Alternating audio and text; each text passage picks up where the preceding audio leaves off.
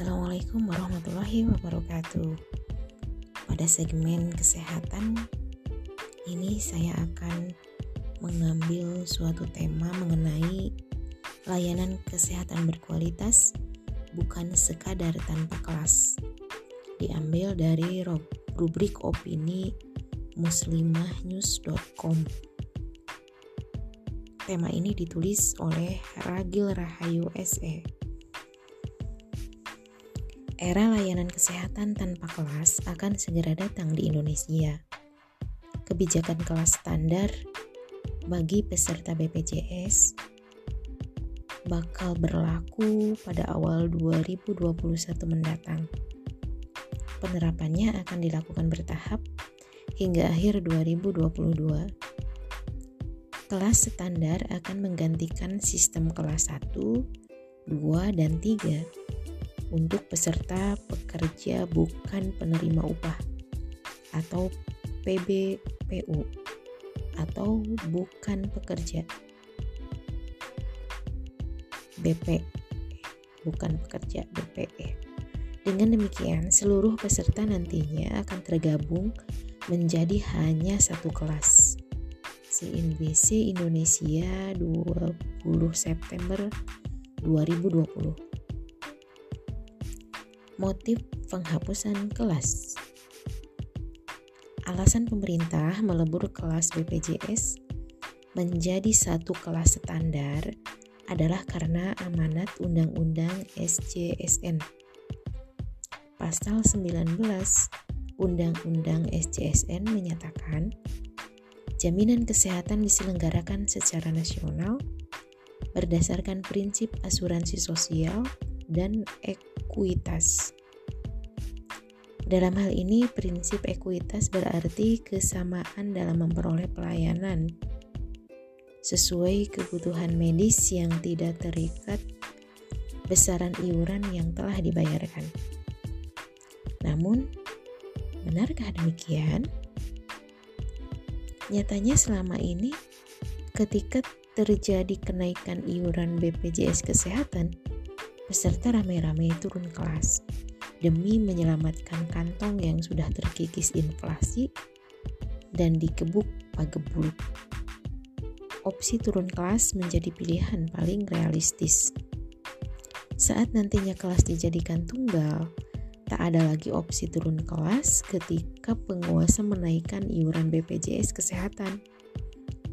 Rakyat terkunci tak bisa mencari solusi menolak ikut BPJS itu melanggar undang-undang. Karena dengan program Universal Health Coverage atau UHC, semua warga negara Indonesia wajib menjadi peserta BPJS Kesehatan. Jika menolak, sanksi kependudukan siap menanti. Bagaimana dengan opsi tidak membayar iuran BPJS atau keluar dari kepesertaan, sayangnya tunggakan iuran BPJS Kesehatan akan terus terakumulasi bak gunung dan menjulang. Sementara kepesertaan BPJS Kesehatan bersifat seumur hidup. Jadi tak ada opsi turun kelas, menunggak, keluar dari kepesertaan, atau yang lain hanya ada satu opsi, yaitu taat patuh pada penguasa. Meski semena-mena, rakyat harus terus membayar iuran BPJS Kesehatan, meski tak sakit, meski tarifnya sering dinaikkan penguasa. Rakyat disuruh menganggapnya sedekah. Oh, sedekah yang diancam.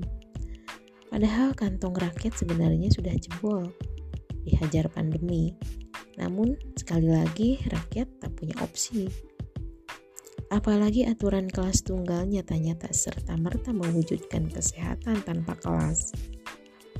Ada pembedaan ruang rawat inap menjadi dua, yakni untuk peserta penerima bantuan iuran atau PBI dan non-PBI.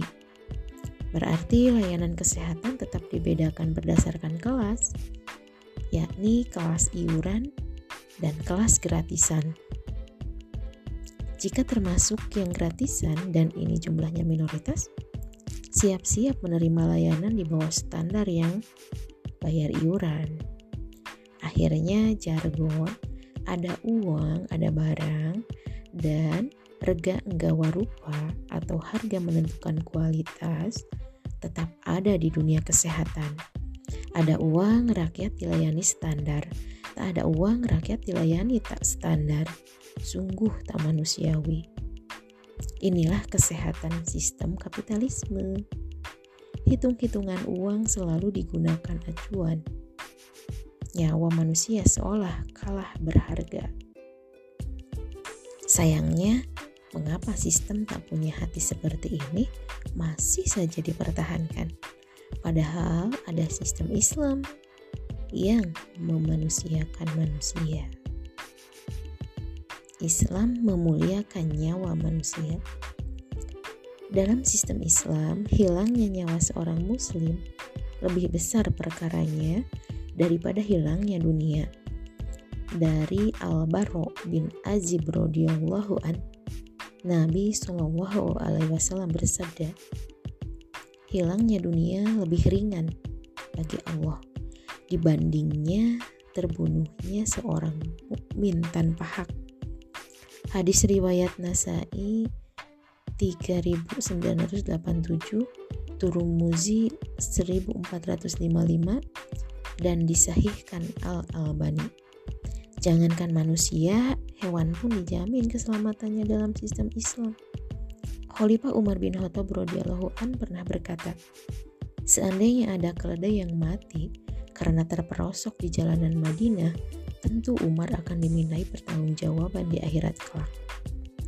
Khalifah menjamin kesehatan bagi seluruh rakyat tanpa melihat status ekonomi, sosial, agama, maupun yang lainnya.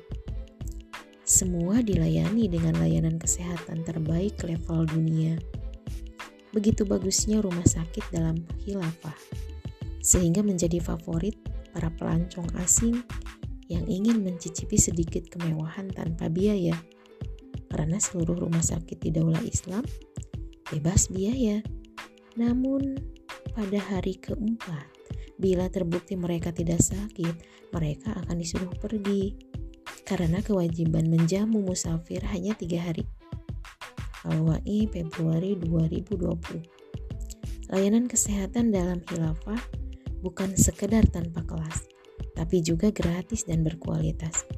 Dalam kapitalisme, gratis dan berkualitas, laksana air dan minyak yang tak mungkin menyatu.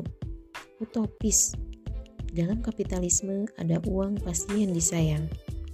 Tak ada uang, pasti yang ditendang. Dalam khilafah, layanan kesehatan gratis berkualitas untuk semua orang terwujud nyata. Bukan lagi utopia, Jejak sejarahnya terus ada tak tergerus masa. Meski berlalu berabad-abad lamanya. Pada zaman pertengahan misalnya, hampir semua kota besar hilafah memiliki rumah sakit. Di Kairo, rumah sakit Kalakun dapat menampung hingga 8.000 pasien. Rumah sakit ini juga sudah digunakan untuk pendidikan universitas serta untuk riset. Rumah sakit ini tidak hanya untuk yang sakit fisik, namun juga sakit jiwa. Di Eropa, rumah sakit semacam ini baru didirikan veteran perang salib yang menyaksikan kehebatan sistem kesehatan di Timur Tengah. Semua rumah sakit di dunia Islam dilengkapi tes-tes kompetensi bagi setiap dokter dan perawatnya. Aturan kemurnian obat, kebersihan, dan kesegaran udara sampai pemisahan pasien penyakit-penyakit tertentu. Fahmi Amhar Februari 2020 Ajaibnya, kecanggihan rumah sakit hilafah ini bisa dinikmati semua orang secara gratis. Obat yang dibawa pulang pun cuma-cuma. Rakyat yang berobat ke rumah sakit hilafah tidak akan ditanya status kepesertaan BPJS Kesehatan semua langsung dilayani berdasarkan level kedaruratan. Ketika pasien pulang, tak perlu menebus obat yang mahal karena obat tersebut digratiskan negara. Sungguh layanan kesehatan yang paripurna. Membuat bahagia warga negara. Semoga segera terwujud nyata. Amin. Wallahu a'lam bishawab. Wassalamualaikum warahmatullahi wabarakatuh.